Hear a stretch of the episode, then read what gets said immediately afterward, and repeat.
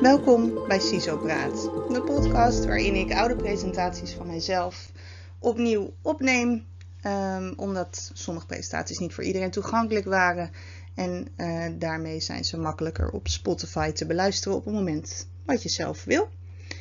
Deze presentatie gaat over pentesting en dan met name de kant en de rol van de CISO bij pentesting.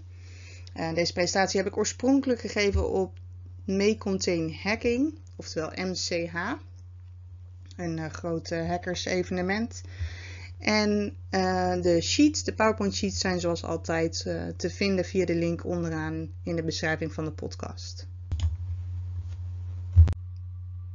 En een van de redenen dat ik deze presentatie destijds heb gegeven, al was die oorspronkelijk overigens in het Engels, is dat ik merk dat heel veel pentestrapporten niet gebruikt worden. En dat vind ik erg zonde. En ik denk dat als je als CISO een iets andere aanpak neemt uh, of gebruikt, dat we nou, meer waarde uit onze pentestrapportages kunnen halen.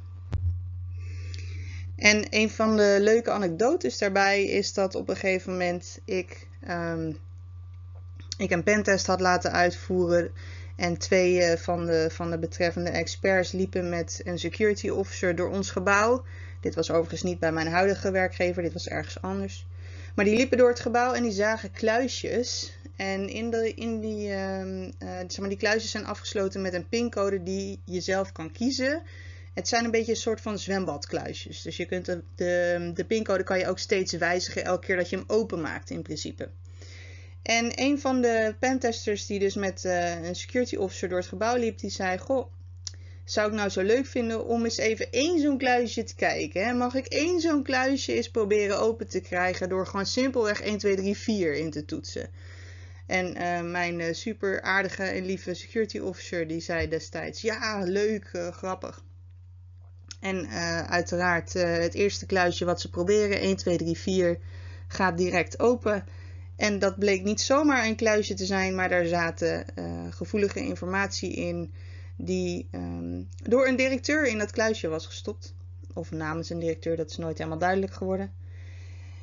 En dan zit je eigenlijk als CISO meteen met een probleem. Want uh, je moet de directeur gaan vertellen dat hij een te eenvoudige code op zijn kluisje had zitten.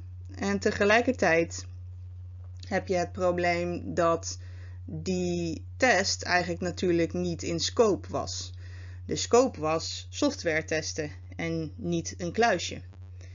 Uh, en dat is een van de, van de punten in deze talk die ik wel naar voren wil brengen, is dat scoping wel erg belangrijk is. Wat niet wegneemt dat we dus natuurlijk alsnog hebben gemeld dat dat kluisje geen uh, verstandige code bevatte. Maar um, nou ja, het was niet een bedoeling om een fysieke beveiligingstest te doen en dat werd het op deze manier stiekem toch wel. En uh, daarbij denk ik dat het relevant is om je te verdiepen in wat de wereld van de managers is. Um, sowieso als je rapportages schrijft moet je weten voor welke doelgroep je dat doet. En dat kan als pentester nog best lastig zijn omdat um, het niet altijd duidelijk is voor wie je het rapport schrijft. Meestal werk je niet bij de organisatie waar je de pentesten voor uitvoert. Dus uh, waar het precies voor gaat landen weet je niet altijd. Um, dus daarom is het toch goed om te kijken of je je opdrachtgever kunt vragen voor wie het rapport precies bedoeld is. En ik heb uh, in die periode dat ik de presentatie maakte, heb ik een aantal managers gewoon heel, heel um, random op internet, dus echt niet representatief natuurlijk, het is geen wetenschappelijk onderzoek, maar ik heb gewoon een aantal managers gevraagd wat zij dachten dat het woord checksum betekende. Sowieso had ik ze een aantal vragen gesteld, daar kom ik verder in de presentatie nog op terug. Maar onder andere de vraag, wat betekent het woord checksum? En daar konden ze, het was een multiple choice, ik maakte het ze nog enigszins makkelijk. Hè? Je moet het niet te moeilijk maken, anders haken ze af.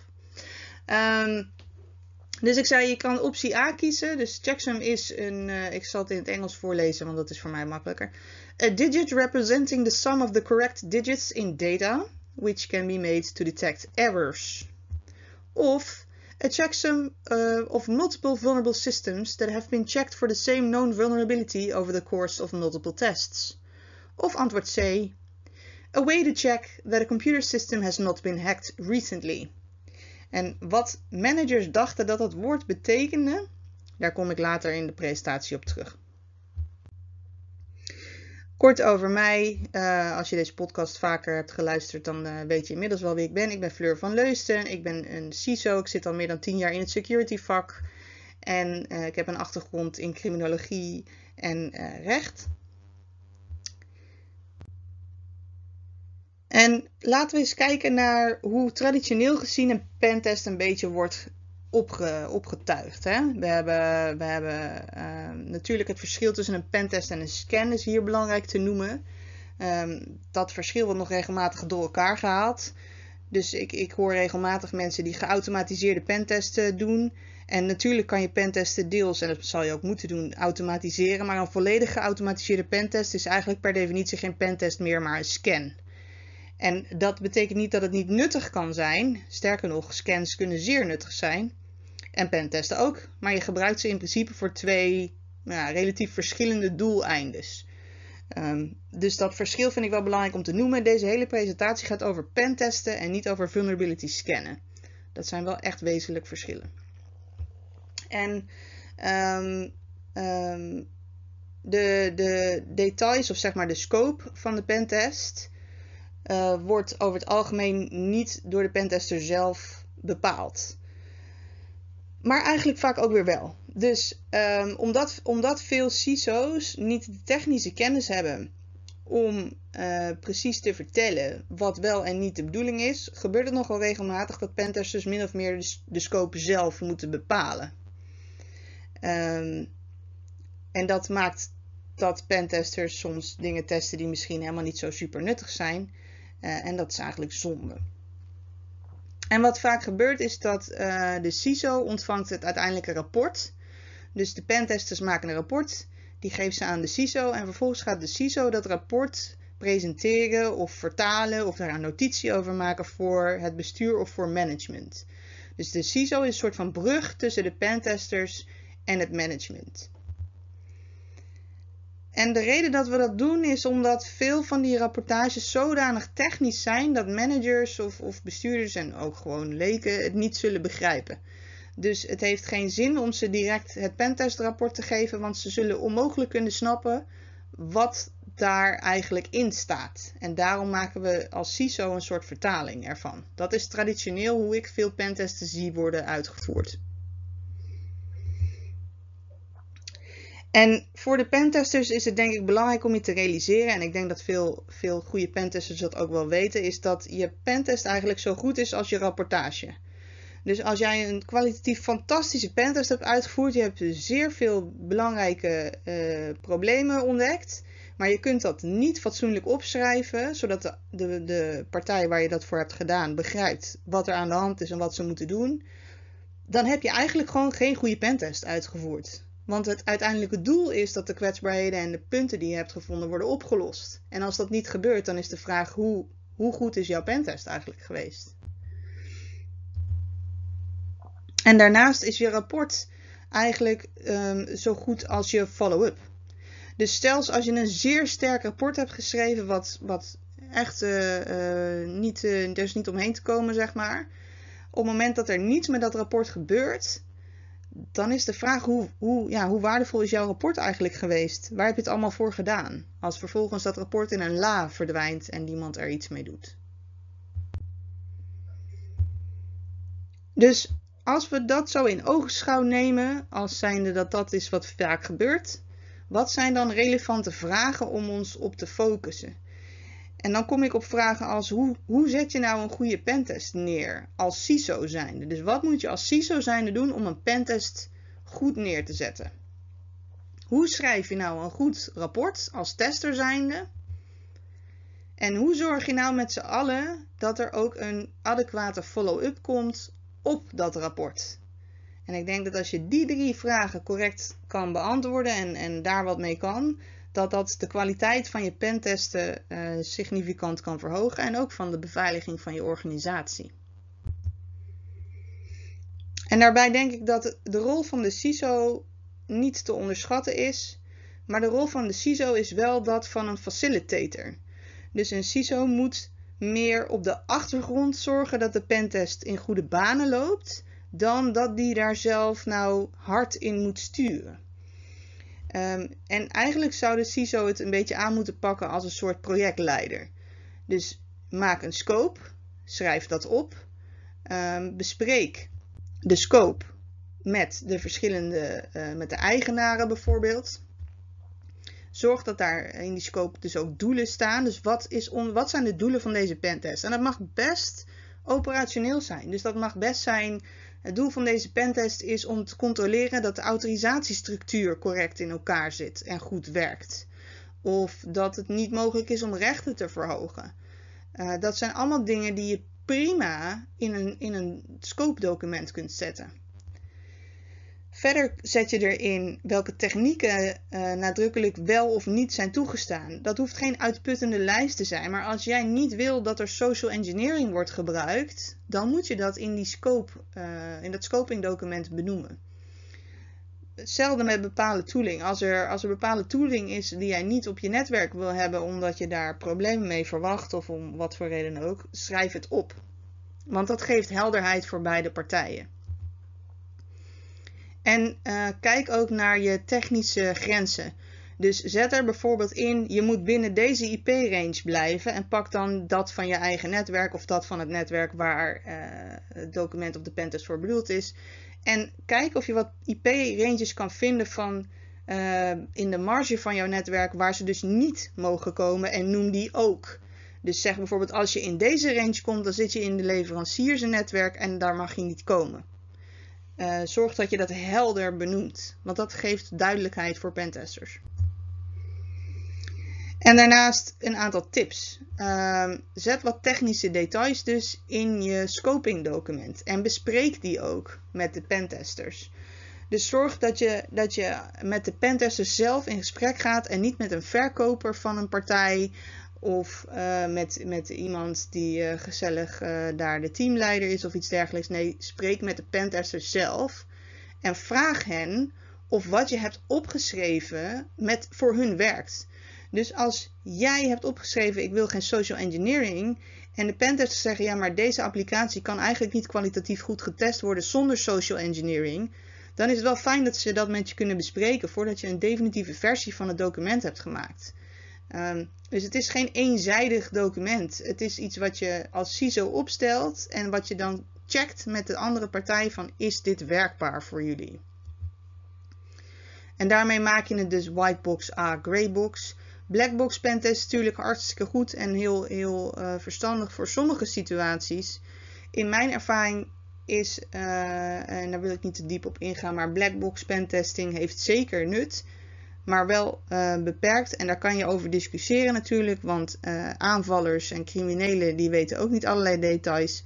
Maar de reden dat je uh, pentesters wat details geeft is simpelweg een tijdskwestie. En we gaan er toch wel vanuit dat criminelen als ze hun best doen en hard genoeg werken die informatie ook kunnen vinden. Je spaart simpelweg tijd uit en daarmee ook geld. En ik denk dat in sommige gevallen je daar je pentest juist kwalitatief mee verbetert.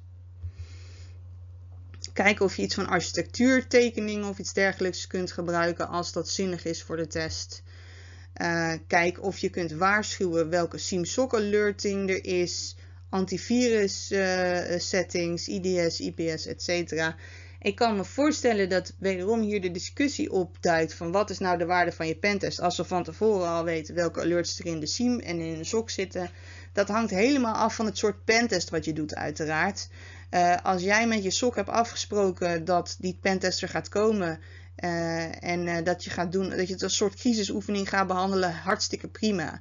Maar denk niet dat jouw SOC erop zit te wachten dat er allerlei alarmbellen afgaan, omdat er een pentester aan dingetjes zit te knutselen waar je niet op voorbereid was. Dus dat zijn dingen waar je rekening mee moet houden en wat je dan dus ook in je scoping document moet verwerken. En uh, de rest uh, uh, was vrij duidelijk.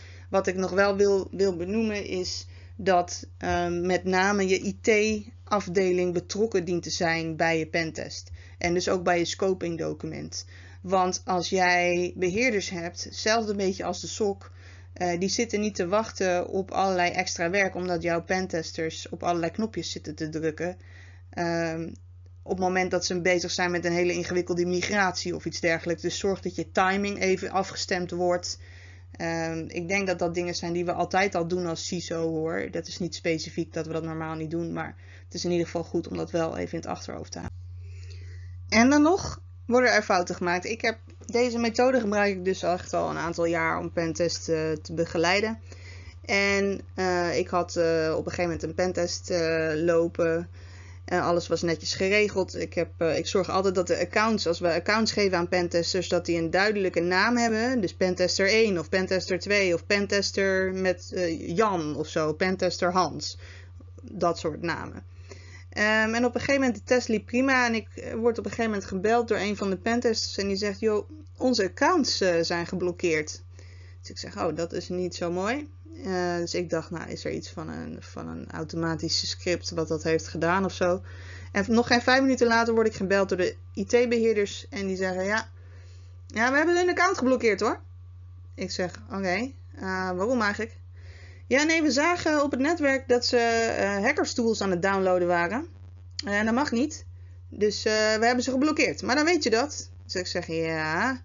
Zeg maar, dit zijn pentesters. Jullie wisten van de test af, toch? Dus dat zij hackerstools aan het downloaden zijn, dat lijkt me niet meer dan logisch. Ja, maar in een echte situatie zouden we ze ook blokkeren. Ik zeg, maar jongens, dit is geen echte situatie. dit is een test. Deze mensen hebben zoveel duizend euro gekregen om die applicatie te testen. Dus wat moeten ze nu doen dan? Naar huis gaan of zo? Uh, dus alsjeblieft deblokkeer ze. Dus nou ja, goed. Zelfs als je dus erg je best doet en je IT-afdeling betrekt bij je pentest, dan wil er nog wel eens misverstanden ontstaan. Dus daarom is het ook altijd goed als CISO om wel bereikbaar te zijn in de periode van de pentest. Uh, want je weet nooit wat voor gekkigheid er uh, allemaal gaat gebeuren. En vergeet niet een aantal typische randzaken te organiseren. Um, er zijn een aantal dingen waar je pentesters je vast ook op zullen wijzen, maar die wel van belang zijn om te, te regelen. Altijd vooraf denk aan je vrijwaringsverklaring. Met name de vrijwaringsverklaring waar ik meestal op richt. Dus het maakt me niet uit wat er in je vrijwaringsverklaring staat, als er maar in staat dat dat scoping document de basis is.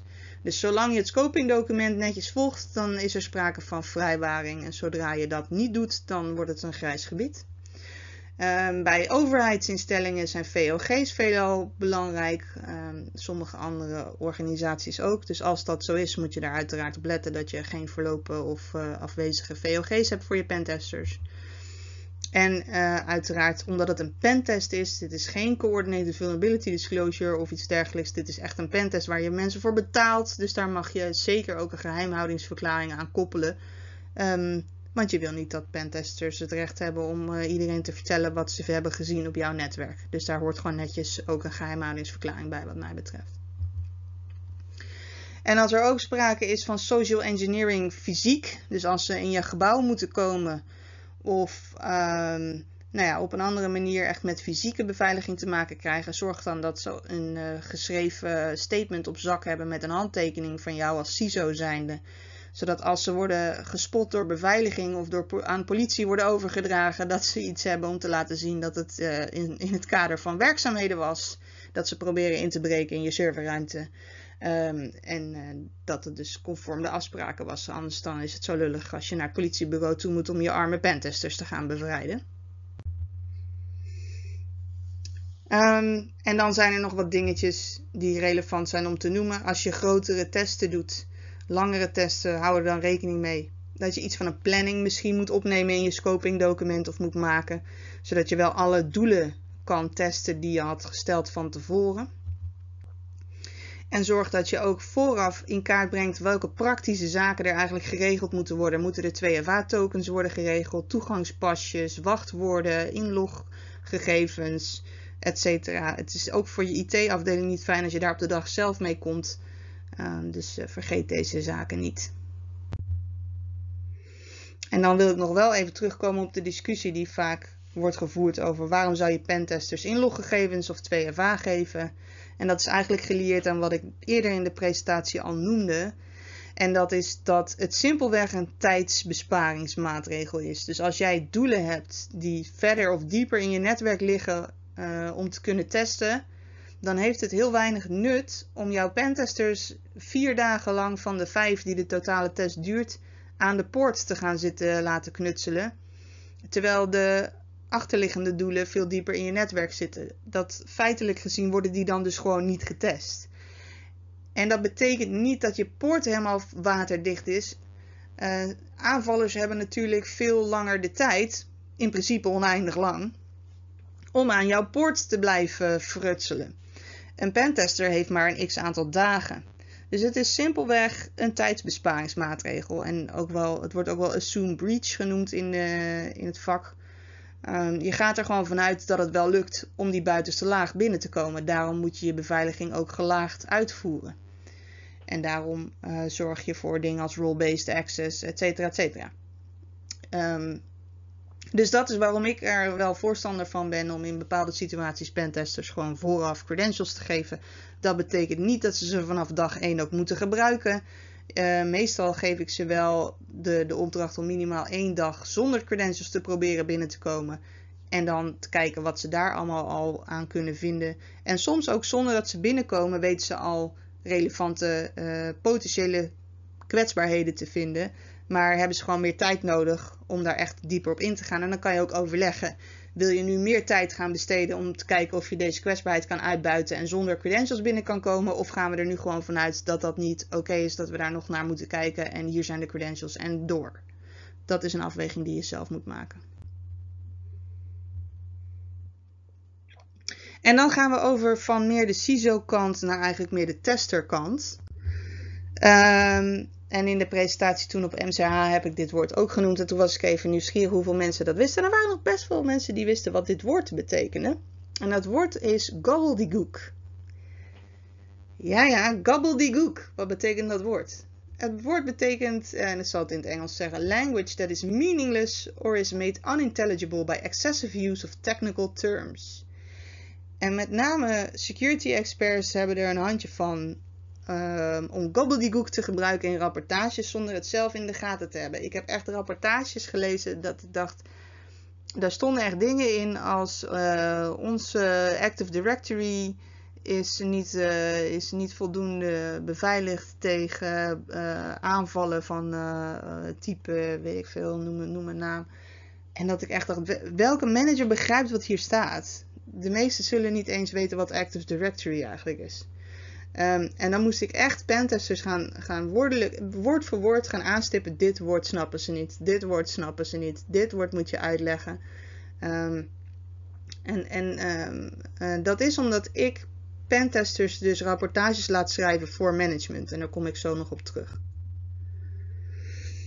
Ik heb die managers had ik dus een enquête gestuurd, hè, had ik verteld aan het begin van de presentatie. En toen heb ik ook aan die managers gevraagd: wat wil jij nou zien in een pentestrapport? Wat vind jij belangrijk? En toen zeiden ze: uh, het overgrote deel van de managers zei: ik wil de top drie belangrijkste bevindingen weten. Dus wat zijn nou de drie belangrijkste kwetsbaarheden waar ik meteen mee aan de slag moet? Vervolgens hebben ze aangegeven voor het grootste deel dat ze suggesties willen voor fixes. Dus hoe moet ik het oplossen dan? Uh, en dan hoeven ze niet de technische oplossing voor te hebben, maar hoeveel geld, mensen, spullen heb ik nodig om dit probleem op te lossen? Een groot deel wil ook een management samenvatting hebben.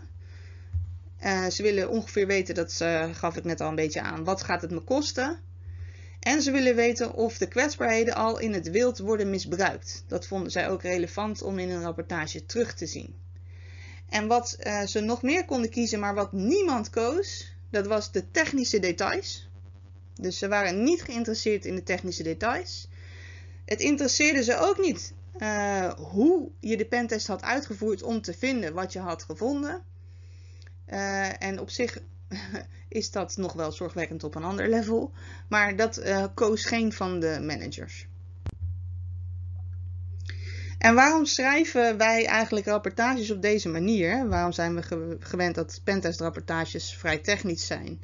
En dat komt dus omdat ik, wat ik eerder al zei, de meeste pentesters aimen hun pentestrapportages voor technische mensen. Dus zij denken dat hun rapportages vooral gelezen gaan worden door de IT'ers die de problemen op moeten lossen. En niet zozeer managers, wat in, in zekere zin ook wel klopt. Um, alleen er is wel een groot verschil in taalgebruik en communicatiestijl tussen deze twee werelden als je hem uiteindelijk dan toch naar management wil brengen. En dat maakt die CISO-rol dan vaak uh, een soort brugrol. En dat heeft nadelen waar ik zo op terug ga komen. Um, en je, je, je creëert daar een soort uh, bubbel door. Waar wij wel snappen waar dit over gaat. Maar een buitenstaander zal niet begrijpen waar deze pentest nou eigenlijk. wat, wat de belangrijkste bevindingen zijn. En daarvan, daardoor verwachten we dus dat um, CISO's het rapport gaan vertalen. Maar de pentesters zijn eigenlijk de experts, niet de CISO's.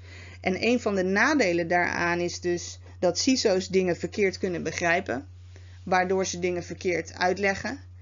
Um, en wat ik zelf een heel groot nadeel vind, is de. Gek genoeg, als jij als CISO iets zegt, dan heeft dat minder waarde dan als iemand van buiten jouw organisatie precies hetzelfde zegt. Dus de externe expert die de test heeft uitgevoerd, als die zegt deze bevinding is ernstig, dan heeft dat meer gewicht dan als de CISO dat zegt. En dat heeft niet zo heel veel te maken met ons als persoon of met de rol. Of, maar dat is gewoon simpelweg een buitenstaander heeft altijd meer gewicht dan iemand van binnenuit. En ik denk dat het niet eens heel erg uitmaakt welke rol je dan uh, bedoelt. En deze setup is dus niet optimaal. Dus pentestrapportages schrijven die, ge, die geëend zijn op techneuten is niet optimaal. Omdat de techneuten vaak niet de mensen zijn die het budget hebben en die de beslissingen moeten nemen.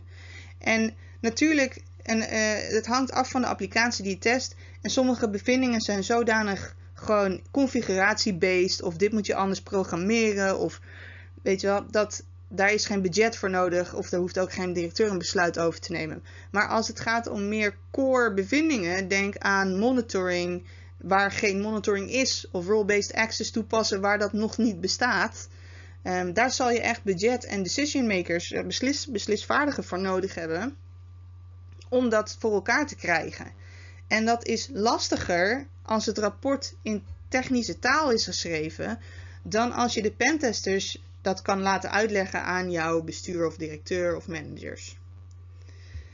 En um, daarnaast is het, is het dus onhandig dat een CISO een soort brug wordt tussen de experts en het management. Een soort, soort doorvertaler waar uh, daar dus ook van alles in mis kan gaan. Maar hoe schrijf je dan betere rapportages? Nou, zoals we hebben gezien willen veel managers gewoon heel graag dat er een management samenvatting in zit. En een management samenvatting, even voor uw uh, verduidelijking, is één A4'tje. Ik heb management samenvattingen gezien die waren vier pagina's lang. Dat is geen management samenvatting meer. Dat is gewoon het rapport. um, alsjeblieft, hou hem één A4'tje. Oké, okay, anderhalf als het dan echt moet. Um, en in die management samenvatting zet je, wat heb je getest? Hoe heb je het getest? Even kort, niet in technische termen, geen burp suite noemen, maar gewoon hoe heb je het getest? Als in ik had uh, credentials of ik had ze niet, whitebox, graybox, blackbox, whatever. Ook dat moet je uitleggen, want wat dat is weet een manager ook niet. Um, en vervolgens zal je uit moeten leggen welke top 3 van de bevindingen je hebt ge, uh, gedaan. Oké, okay, 5 als het er echt heel veel zijn, maar echt niet meer dan 5. Want het heeft geen zin, namelijk, want een bestuurder kan niet sturen op 100 bevindingen. Dus alsjeblieft beperk het tot 3 tot 5 bevindingen. Noem dat in je management samenvatting en geef kort aan uh, wat er voor nodig is om die op te lossen. En in je bijlage benoem je de technische termen en, en gewoon de hele, de hele standaard pentest rambam met je scores en je severity en dat soort zaken. Op die manier kan de CISO uitstappen uit dat bruggetje tussen expert en bestuur. Kan uh, de, de IT'er nog steeds snappen en reproduceren waar de kwetsbaarheden zijn gevonden en hoe, hoe ze moeten worden opgelost. Want daar heb je gewoon technische taal voor nodig. Maar heb je ook de bestuurderskant getackeld, die kan zorgen voor budget, prioritering, etc. Dat, zodat de ernstigste zaken ook daadwerkelijk opgepakt gaan worden en het rapport niet in een la verdwijnt. En uh, wees ook zeker niet uh, angstig om screenshots of ander bewijs te inclusie, inclusief uh, in je rapport te doen. Um, want dat heeft juist alleen maar nut en impact. En zoals ik eerder al aangaf, het is hartstikke leuk als je een fantastisch rapport hebt geschreven, maar hoe zorg je nou dat die follow-up ook daadwerkelijk komt? Dat die la uh, pas wordt gebruikt als het rapport ook echt helemaal afgehandeld is. En dat is nou een rol voor de CISO. Dus als de pentest voorbij is, het rapport is goed, het is overgedragen aan de uh, verantwoordelijke managers en directeuren, dan komt de CISO in actie en die moet dingen gaan regelen.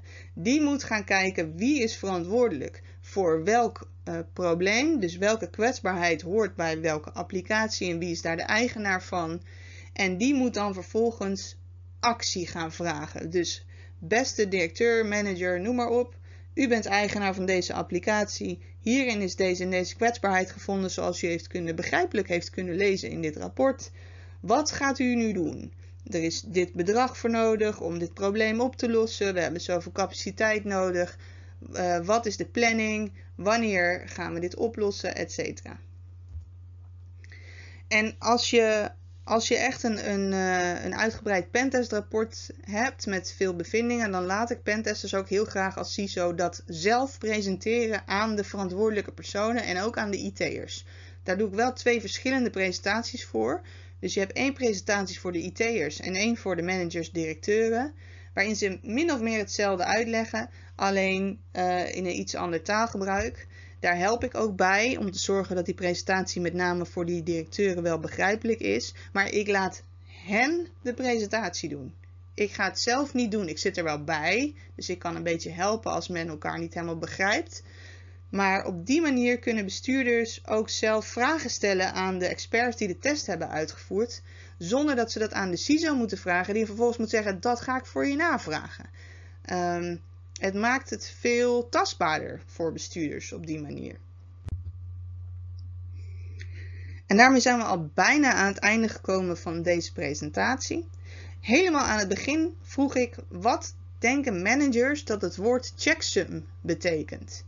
En ik heb dit woord ook echt teruggezien in een van de pentest-rapportages in de management samenvatting die er ooit in concept was geschreven. Dus daarom heb ik hem ook gebruikt.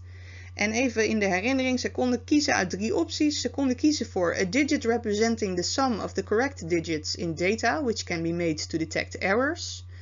A sum of multiple vulnerable systems that have been checked for the same known vulnerability over the course of multiple tests. Of C. A way to check that a computer system has not been hacked recently. Nou, het goede antwoord voor ons techneuten is natuurlijk A. Een checksum is een getal wat de som van verschillende uh, bits en bytes in data opgeteld is.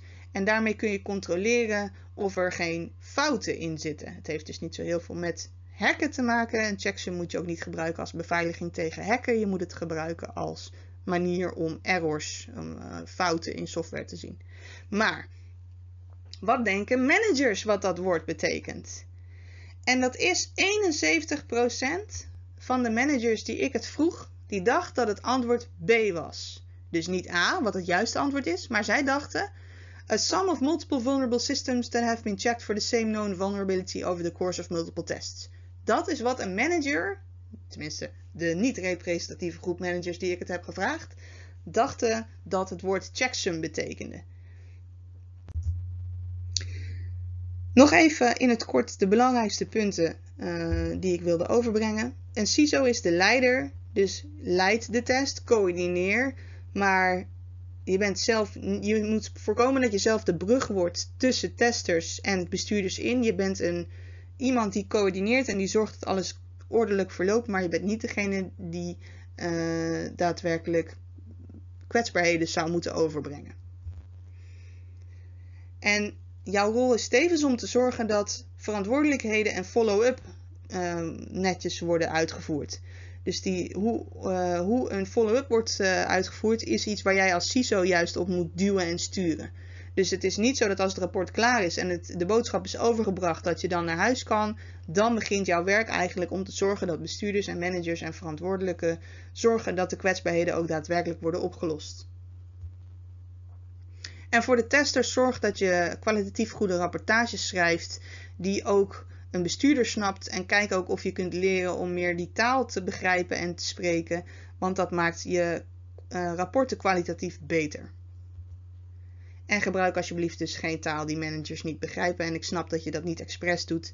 Um, maar ik zou zeggen, laat je vriendin, of als die ook een techneut is, iemand anders, of je vriend, of noem het maar op, um, eens een keer je rapportage lezen en laat, hem, laat diegene die geen verstand heeft van IT of minder verstand van IT jou eens vertellen of die nog begrijpt wat er staat. Het zal je misschien verbazen.